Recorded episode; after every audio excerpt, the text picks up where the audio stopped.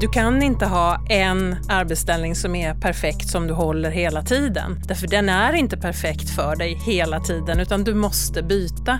Belastningsskador kommer över tid så att det går ju att undvika dels om man har kunskap men också att man är vaksam på tidiga signaler. För lite och för mycket skämmer allt sa man förr. det vill säga lagom är bäst.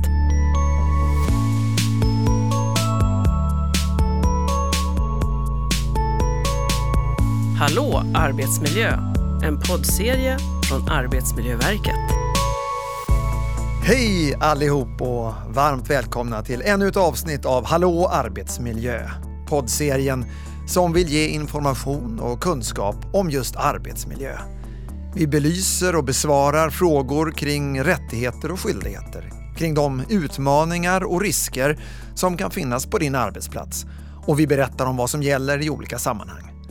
Den här gången handlar podden om belastningsergonomi.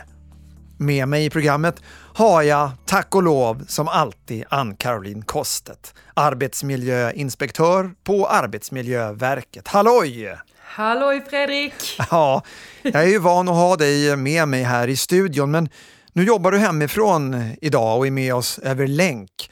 Hur, ja, hur är det där hemma i ditt vardagsrum? Har du ont i ryggen, någon musarm, gamnacke eller gammal inspektionsskada som spökar kanske? Ja du, det, det är blandat här kan jag säga. Precis som många andra så har jag börjat känna av min rygg. Ja, det är så? så eh, ja, så att eh, jag har sett över min arbetsplats nu och beslutat mig för att åka och hämta min kontorsstol och en skärm så att jag kan sitta bättre det låter som att det borde ha gjorts tidigare väl, eller?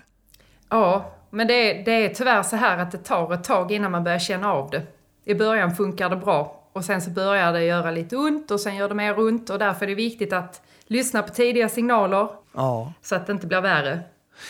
Dagens gäst hon, hon är ergonom och, och sakkunnig kring de frågorna på Arbetsmiljöverket. Hon kommer säkert kunna svara på de här tidiga signalerna så att man inte hamnar där, där du har hamnat. Så vi eh, får tillfälle att återkomma till det. Jag tänkte bara säga så här, du är ju på något sätt experten kring eh, de här frågorna som vi belyser i podden medan jag är är den nyfikna kan man väl säga. Men just det, det här området är, är, jag ändå lite av expert på för att mitt jobb går ju mycket ut på att arbeta hemifrån. Jag är ganska van vid det. Eh, inte bara hemma utan också eh, andra miljöer som, som är mer eller mindre bra. Buller och, och ljud och ljus och olika arbetssituationer som, som kan vara bra eller mindre bra för kroppen. Jag vet till exempel när jag sitter och skriver manus så är det väldigt lätt att hamna med, med datorn på soffbordet så sitter man där med någon sorts krökt rygg i, i, i, en timme och så börjar det göra ont och lägger man sig i soffan med gamnacke och, och, och ligger där tills man får ont igen det har hänt att jag också har eh, gjort det där.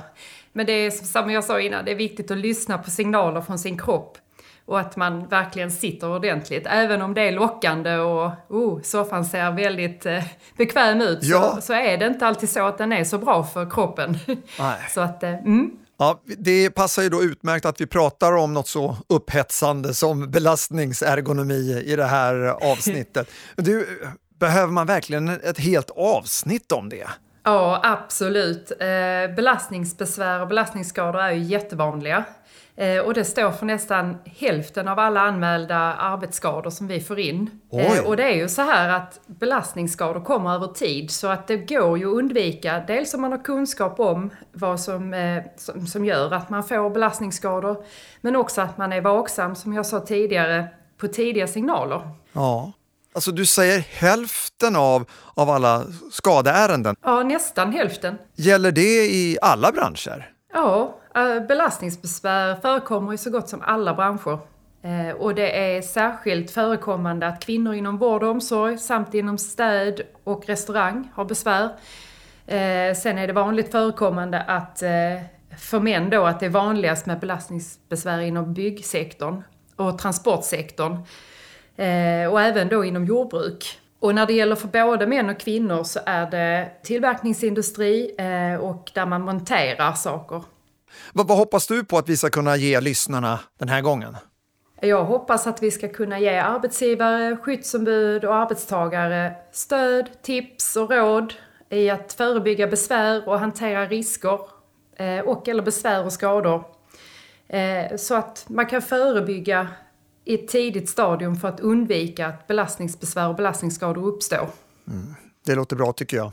För att vi ska lyckas med det här, för att vi ska få en bättre bild av poddens ämne, så kommer här lite background facts.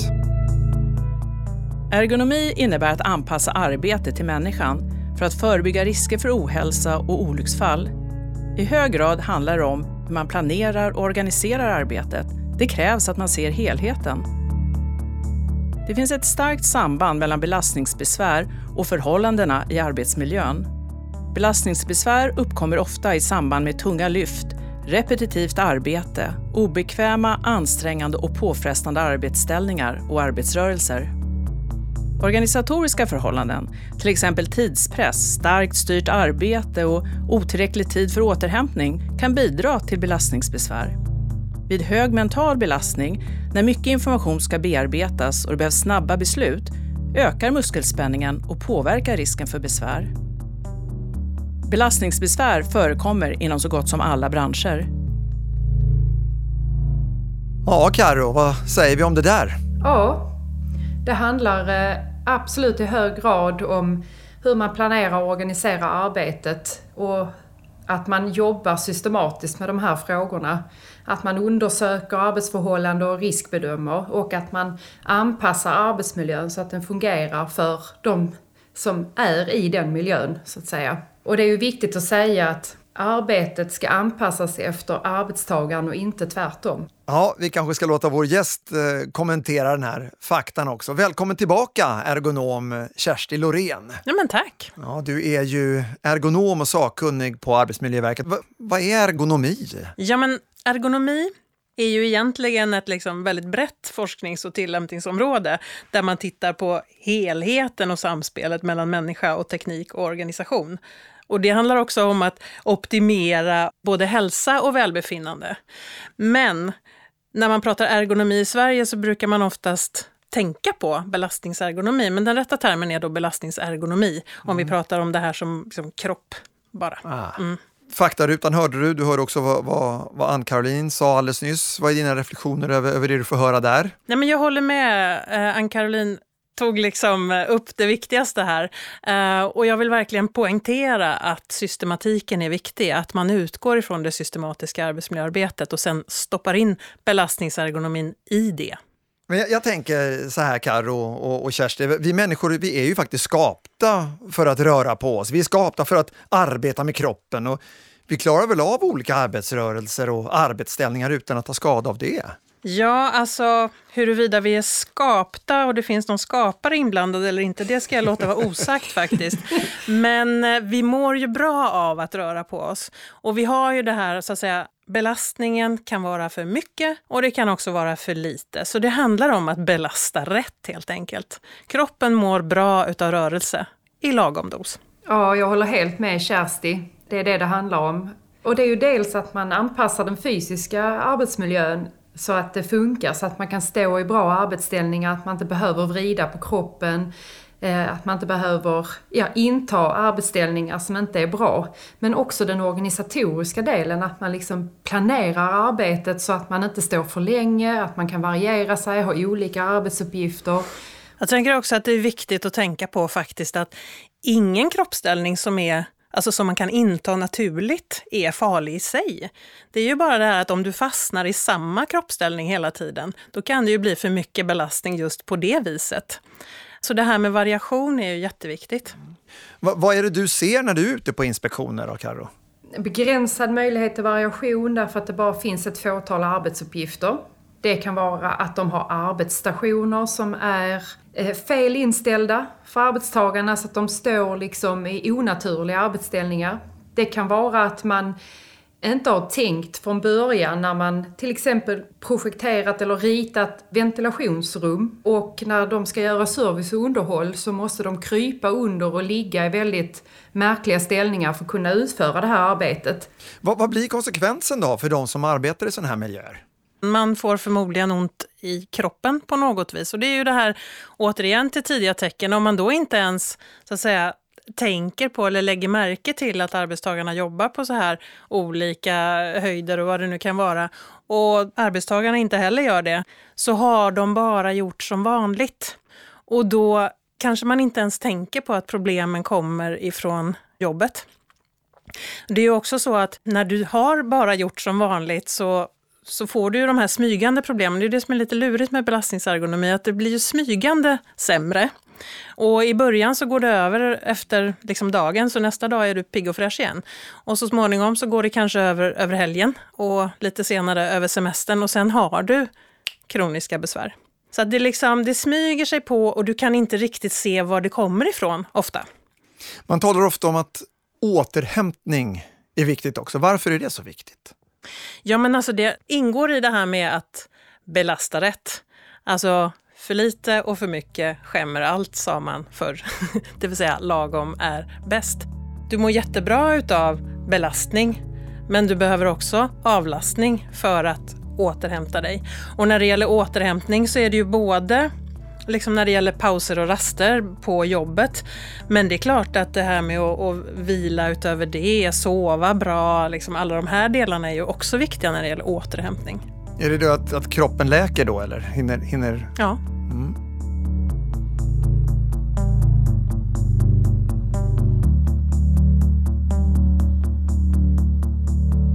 Procentuellt så är det fler män än kvinnor som eh, har belastningsbesvär. Och det är trots att det är fler kvinnor som anmäler in totalt sett att de har belastningsbesvär eller belastningsskador. Kan man fördomsfullt säga att det ska göra lite ont, därför anmäler män inte lika ofta och eh, att eh, mäns arbetsmiljöer ofta är tuffare och hårdare, eller? Ja, jag tänker faktiskt när jag jobbade som inspektör eh, och hade med mig ut bygginspektörerna så var de nog ganska paffa över hur tungt det är att jobba i vården och omsorgen när de då jämförde faktiskt med bygg.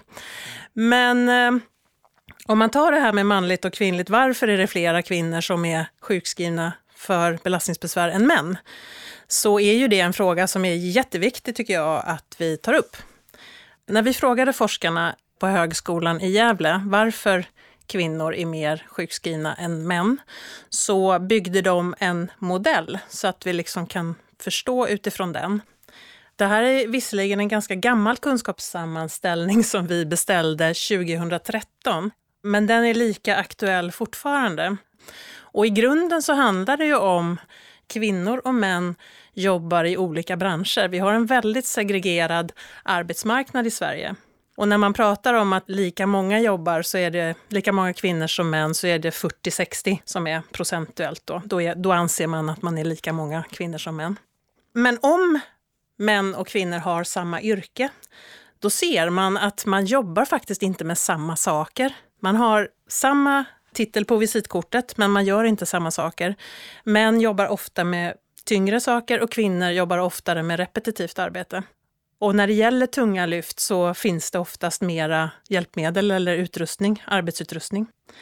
Om man har samma arbetsuppgifter faktiskt, så eh, man belastas olika därför att eh, ofta så är arbetsstationerna fasta och anpassade efter män. Och om vi då går nästa steg så att man faktiskt belastas procentuellt sett på samma sätt, ja då finns det ju en, en skillnad mellan män och kvinnor hormonellt sett. Men det är väldigt, väldigt litet som, som liksom skiljer ut det här. Och om man går ytterligare upp i den här modellen så ser man då att om vi belastas likadant och då blir sjuka eller får belastningsskador så söker kvinnor i större utsträckning än män. Och vi får också olika bemötanden beroende på om vi är kvinnor eller män. När du säger söker, vad menar du då? Söker vård. Och om man då går in på det som arbetsgivaren kan påverka så är det ju just att organisera arbetet på ett sätt så att vi alla tar del av den arbetsutrustning som finns. Att vi alla delar på det repetitiva arbetet och, och det tunga arbetet. Ja, jag tänker på det Kersti också. Ibland så stöter vi på det här att eh, ja men jag känner ingenting, jag är ung, jag är stark, det här kan jag göra, jag känner ingenting. Hur ska man tänka kring det? Ja men precis, och där måste man nog kanske gå in just på arbetsgivaren som måste då kanske vara den som vet bättre, som faktiskt säger till att ja, men vi tillämpar rotation här, vi delar på det. Mm. Och jag, jag tänker så här också att eh, även om man inte har ont idag så kan man få ont om tio år. Även den som känner sig stark, även den kan ju få i sin förlängning belastningsbesvär och belastningsskador. Nej, och också när det gäller det här med att, att följa instruktionerna, alltså finns det arbetsutrustning, finns det hjälp till exempel för tunga lyft så är det inte okej okay att lyfta själv. Mycket av det som vi talar om nu, det känns 1900-tal eller 1800-tal till och med. Men eh, vi ska ju ha lika löner, det är ju självklart, och vi ska också ha lika möjligheter att utföra arbeten och också hålla oss friska och sunda och slippa de här skadorna. Vi, det, är ju, det är ju Sverige, det är 2000-tal tänker jag. Vi har fått en lite tydligare bild nu av vad som kan vara orsak till sjukskrivningar på grund av belastningsbesvär och, och till och med belastningsskador. Och jag är nyfiken på lite mer hur man konkret gör för att eh, undvika de här problemen och var ansvaret ligger också någonstans. Så vi ska strax tala mer om det. Först eh, ut på stan för att höra hur det kan låta kring det här med belastningsergonomi. Jag jobbar som bildjournalist och då bär vi väldigt mycket saker så där tänker man på hur man bär, hur man plockar upp saker, hur man håller i kameran och så. Så att man håller länge liksom. Har du några hjälpmedel då i ditt arbete? Nej, utan det är mer att man tänker på hur man gör sina rörelser och hur man står och håller i, i sina prylar. Ja, alltså jag jobbar med en väldigt speciell verksamhet så vi har haft ergonomi med i vår verksamhet eh, alltid eftersom jag hanterar ganska stora maskiner och sådana där saker så då har man fått tänka ergonomiskt alltid. Tycker du din arbetsgivare tar bra ansvar för de frågorna?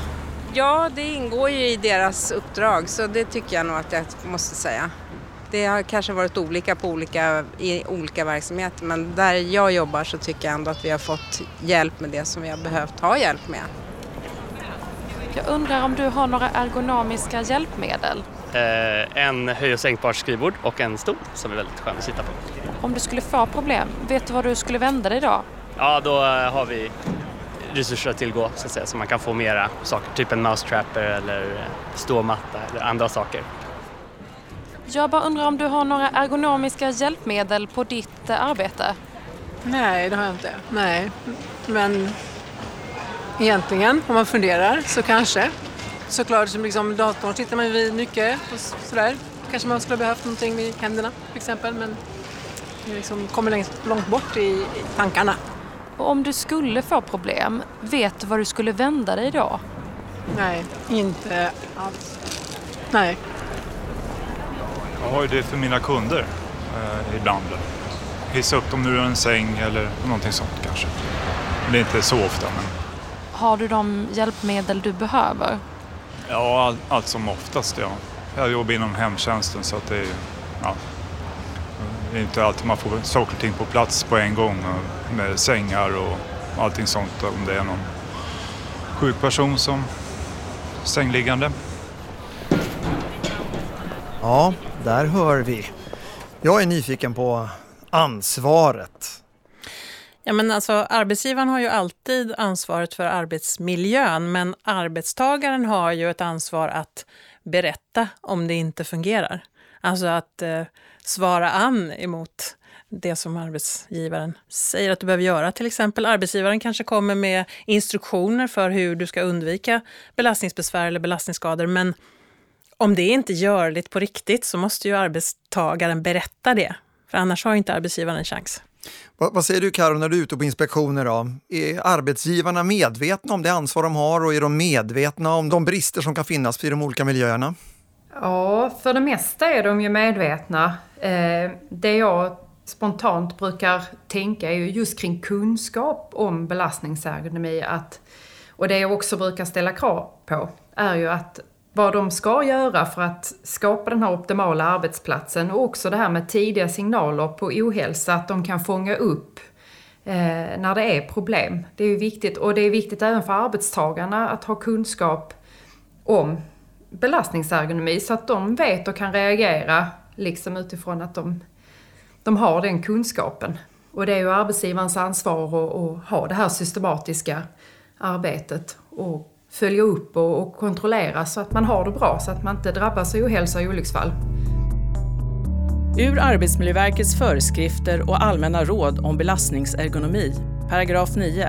Arbetsgivaren ska se till att arbetstagaren har tillräckliga kunskaper om lämpliga arbetsställningar och arbetsrörelser, hur teknisk utrustning och hjälpmedel ska användas, Vilka risker olämpliga arbetsställningar, arbetsrörelser och olämplig manuell hantering medför och tidiga tecken på överbelastning av leder och muskler. Arbetstagaren ska få information om vikten på de laster som hanteras. Där det är möjligt ska arbetstagaren få exakta upplysningar om lastens vikt och var lastens tyngdpunkt eller tyngsta sida finns när innehållet i den är ojämnt fördelat. Arbetstagaren ska få instruktioner och möjlighet att träna in en lämplig arbetsteknik för den aktuella arbetsuppgiften. Arbetsgivaren ska följa upp att instruktionen efterlevs. Ja, det är ju rätt klart och, och tydligt vad som gäller där. Men, men hur ska arbetsgivaren kunna tillgodose sig all information och veta vad han eller hon behöver göra? Men jag tänker att där är det ju som sagt viktigt att stoppa in belastningsergonomiföreskriften i föreskriften om systematiskt arbetsmiljöarbete så att man börjar med liksom att ta reda på, ja men undersöka arbetsmiljön. Vad har vi för arbete som kan vara risker? Eh, och där kan man ju också ta hjälp av men var, var någonstans kommer det in tillbud? Var någonstans sker det olyckor eh, i arbetsmiljön? Och, och den här undersökningen den kan man ju faktiskt göra vid, vid skrivbordet tillsammans. Arbetsgivare, skyddsombud, arbetstagare.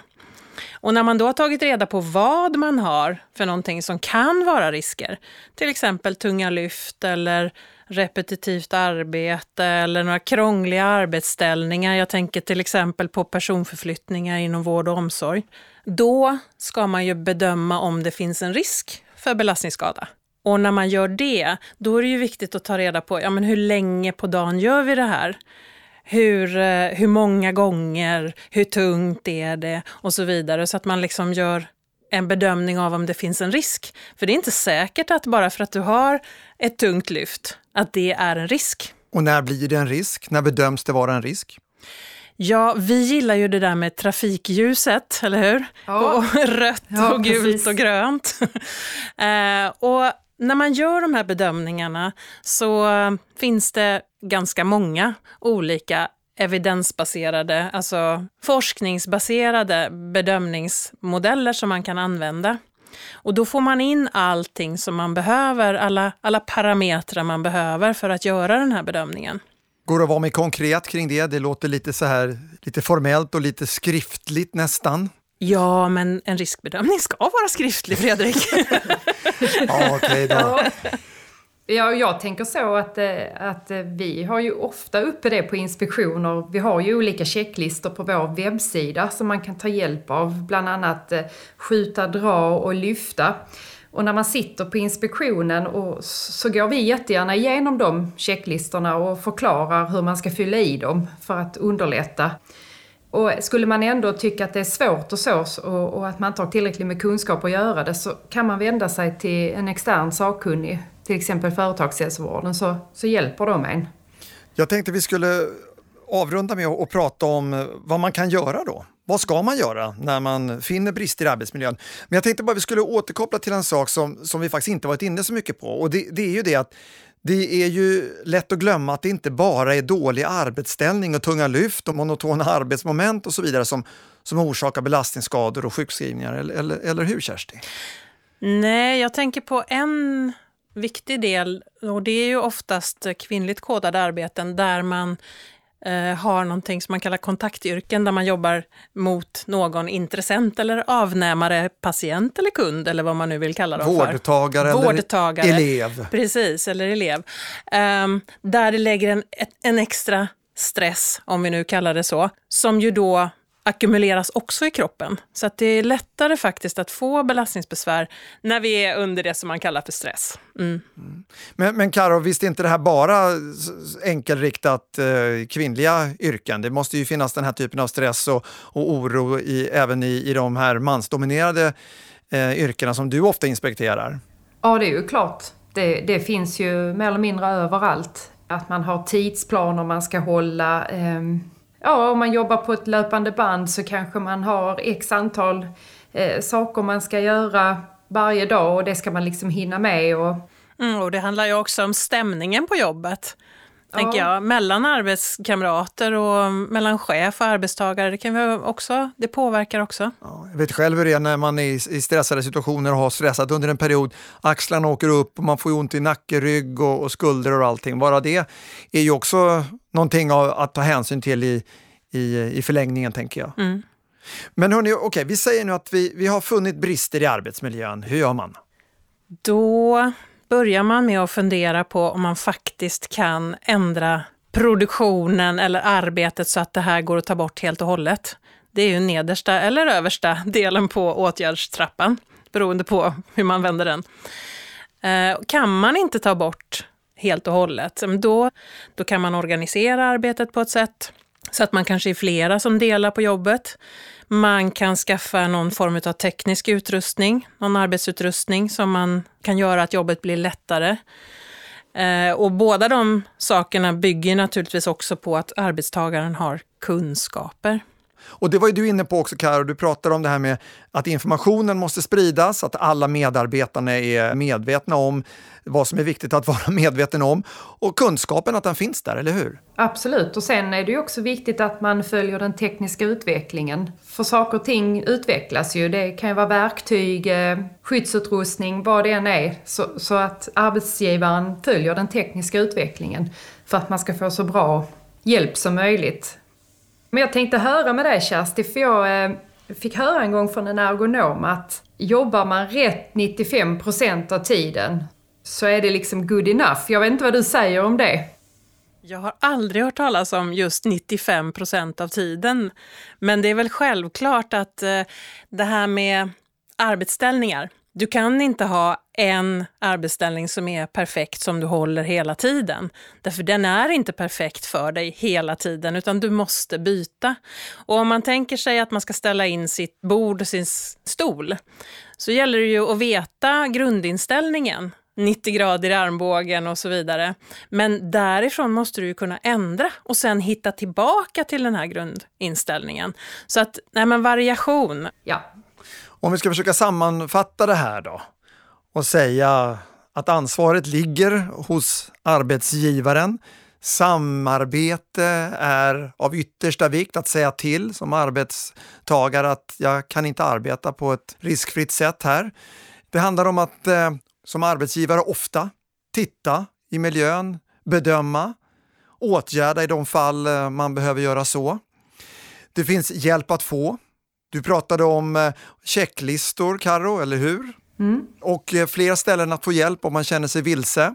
Vill ni nämna något av dem? Det beror på vad du tänker på. Om du tänker på företagshälsan, Just det. eller om du tänker på de andra webbplatserna som, som ju vi kan rekommendera, som är Prevent och Sunt arbetsliv till exempel. Ja. Mm. Och sen undvika de där till synes onödiga tunga lyften och, och monotona arbetsuppgiften om det går. Ja, är det något mer som ni vill tillägga i, i summeringen? Ja, men jag har en sak som vi faktiskt inte har berört alls och det är det här med ljus och synförhållanden. För det kan faktiskt påverka arbetsställningarna ganska mycket om du inte ser ordentligt. Och sen eftersom vi har stått här och pratat så ska man ju inte glömma röstergonomin heller. Den Just är också det. med. Mm.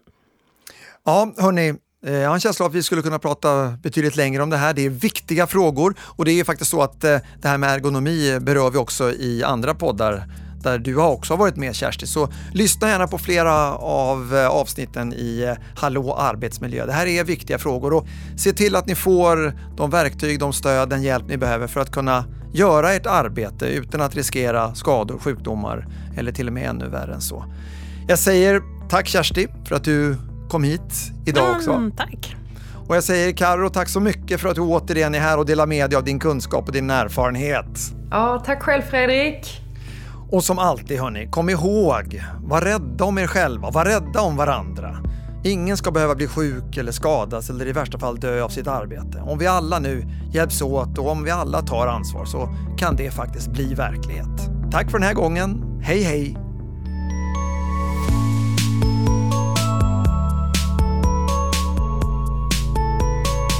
Hallå arbetsmiljö! En poddserie från Arbetsmiljöverket. Programledare Fredrik Bergling.